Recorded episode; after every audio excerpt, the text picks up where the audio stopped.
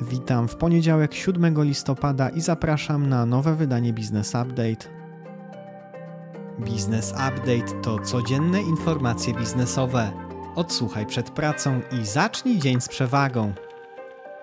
W piątek na zamknięcie na warszawskiej giełdzie indeksy akcyjne rosły prawie 3%, indeks WIG20 przebił poziom 1600 punktów. W Stanach Zjednoczonych indeksy rosły również około 1,5%. W poniedziałek rano za euro płacimy 4,69, a za dolara 4,72.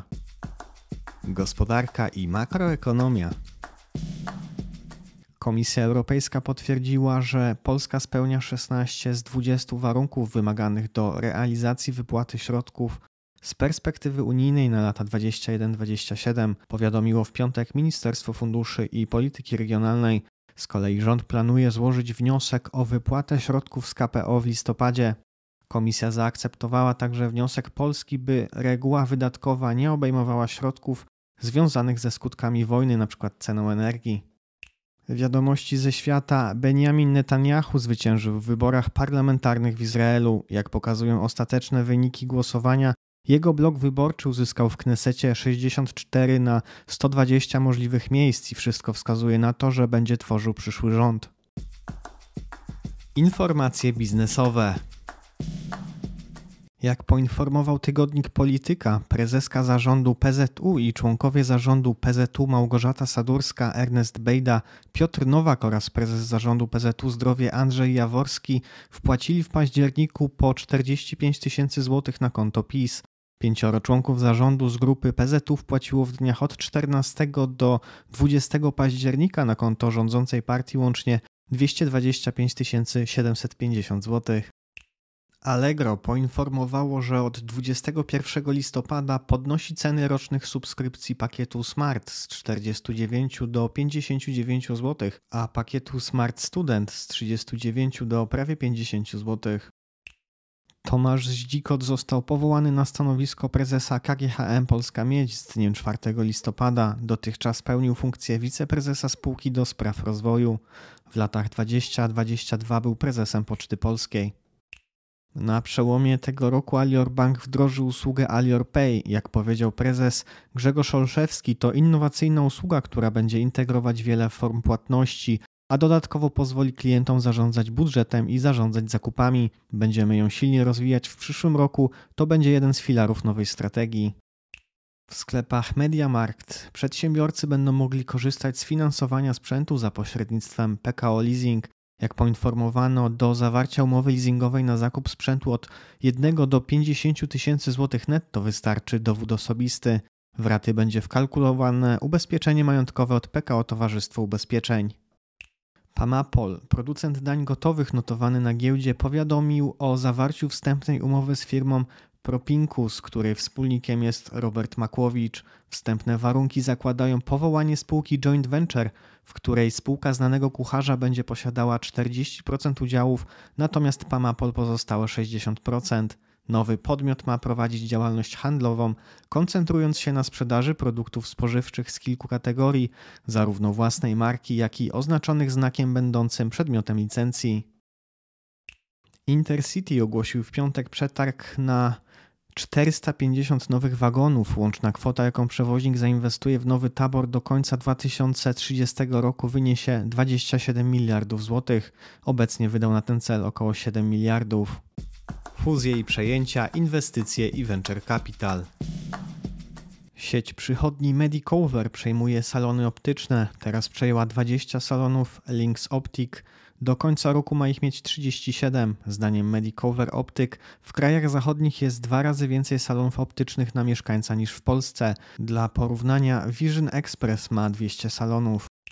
Tania książka.pl szuka inwestora, najlepiej strategicznego. Spółka w 2019 roku miała 125 milionów złotych przychodów, w tym będzie miała prawie 400 milionów.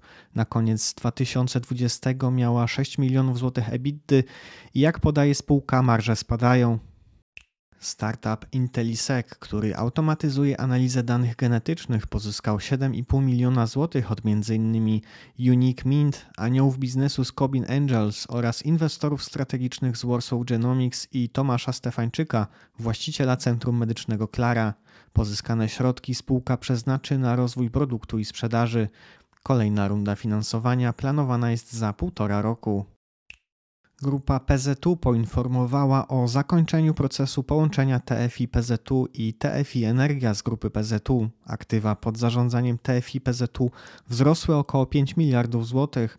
W wyniku transakcji pod zarządzanie TFI PZU trafiły fundusze, w których są ulokowane głównie środki gromadzone na emeryturę przez pracowników spółek z grupy PGE.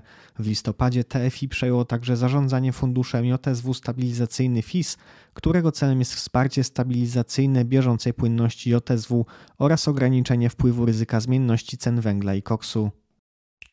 Prospekt windykatora BEST sporządzony w związku z emisją obligacji o wartości nominalnej 250 milionów złotych został zatwierdzony przez KNF. Za koordynację oferty w ramach programu odpowiada Dom Maklerski Banku Ochrony Środowiska. Protektor na grudniowym nadzwyczajnym walnym zgromadzeniu zdecyduje o emisji ponad 3 milionów 800 tysięcy akcji serii G z wyłączeniem prawa poboru. Środki pozyskane dzięki emisji spółka chce wykorzystać do poprawy bezpieczeństwa łańcucha dostaw w perspektywie długo- i krótkoterminowej. Priorytetem jest duplikacja uprzyrządowania produkcyjnego zlokalizowanego w fabryce RIDA w mołdawskim Naddniestrzu. Wiadomości ze świata Goldman Sachs poinformował, że rozpoczął współpracę z globalnym dostawcą indeksów MSCI oraz firmą z branży kryptograficznej Coinmetrics, która zaowocuje powstaniem platformy o nazwie Datanomi. Nowy system ma pomóc inwestorom śledzić rynek kryptoaktywów, a także wszystkie jego trendy i nisze. W trzecim kwartale tego roku wartość transakcji venture capital w Europie spadła o 36% w relacji kwartał do kwartału do poziomu 18,5 miliardów euro, wynika z raportu firmy PitchBook. Za osiągnięcie najniższego poziomu od czwartego kwartału 2020 roku odpowiadają niepewne warunki makroekonomiczne i zawirowania na rynkach w całej Europie. Prawo i podatki. Roman Ziemian, twórca piramidy finansowej FutureNet, został aresztowany przez specjalną jednostkę włoskiej policji podległą Ministerstwu Gospodarki i Finansów w Rzymie, zajmującą się zwalczaniem przestępstw gospodarczych w związku ze śledztwem prowadzonym w Korei Południowej.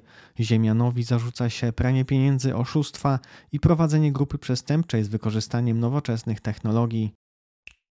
Sejm po głosowaniu nad poprawkami Senatu przyjął ustawę przygotowaną przez Ministerstwo Sprawiedliwości dotyczącą m.in. platform zajmujących się streamingiem filmów, transmisji sportowych, kursów językowych, treningów sportowych online czy abonentów z dostępem do prasy internetowej.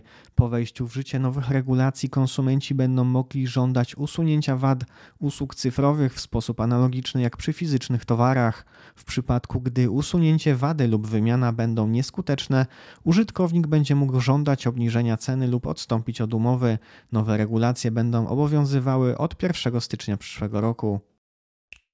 Wprowadzona 7 października tego roku nowelizacja Polskiego Ładu, czyli tzw. Tak Polski Ład 3.0, zawiesiła podatek minimalny CIT na ten i przyszły rok. Podatnicy, których rok podatkowy jest inny niż kalendarzowy, ale rozpocznie się przed 1 stycznia 2024, a zakończy po 31 grudnia 2023, nie będą podlegali temu podatkowi do końca roku podatkowego. Pozostałe regulacje wejdą w życie 1 stycznia przyszłego roku. Sejm odrzucił w piątek sześć poprawek do ustawy antylichwiarskiej zgłoszonych przez Senat.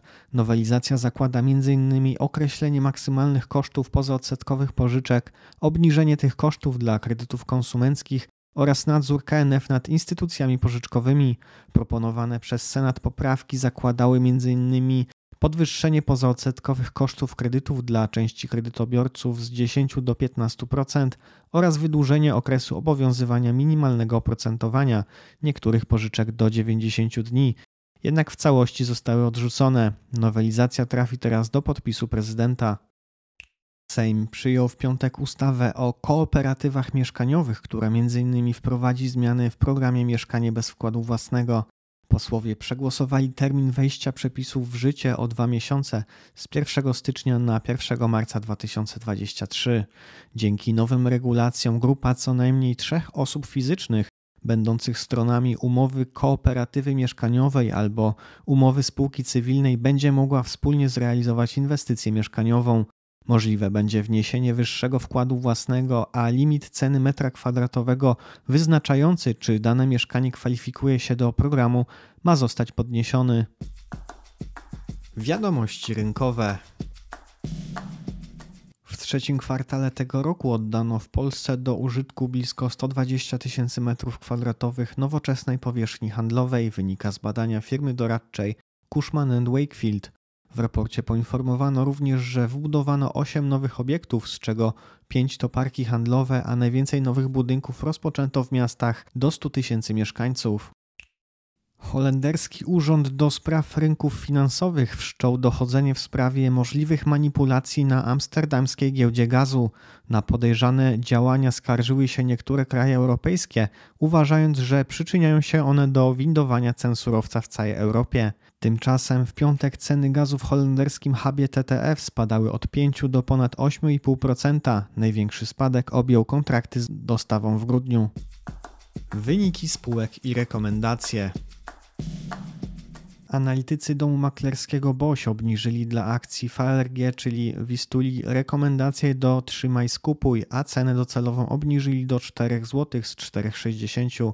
Jak napisano, wierzymy, że zarząd spółki skoncentruje się na zmaksymalizowaniu rentowności w przyszłym roku, co będzie jednak dużym wyzwaniem w naszej ocenie, biorąc pod uwagę planowaną podwyżkę płacy minimalnej oraz wzrost kosztów najmu związanych z inflacją w Unii.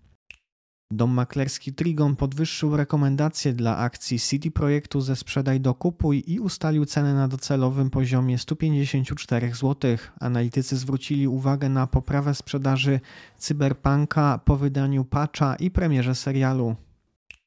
W wersji tekstowej jeszcze sześć informacji dotyczących wyników i rekomendacji. Tymczasem to już wszystko na dziś. Źródła wszystkich informacji mogą Państwo znaleźć w newsletterze, na który można zapisać się na businessupdate.pl.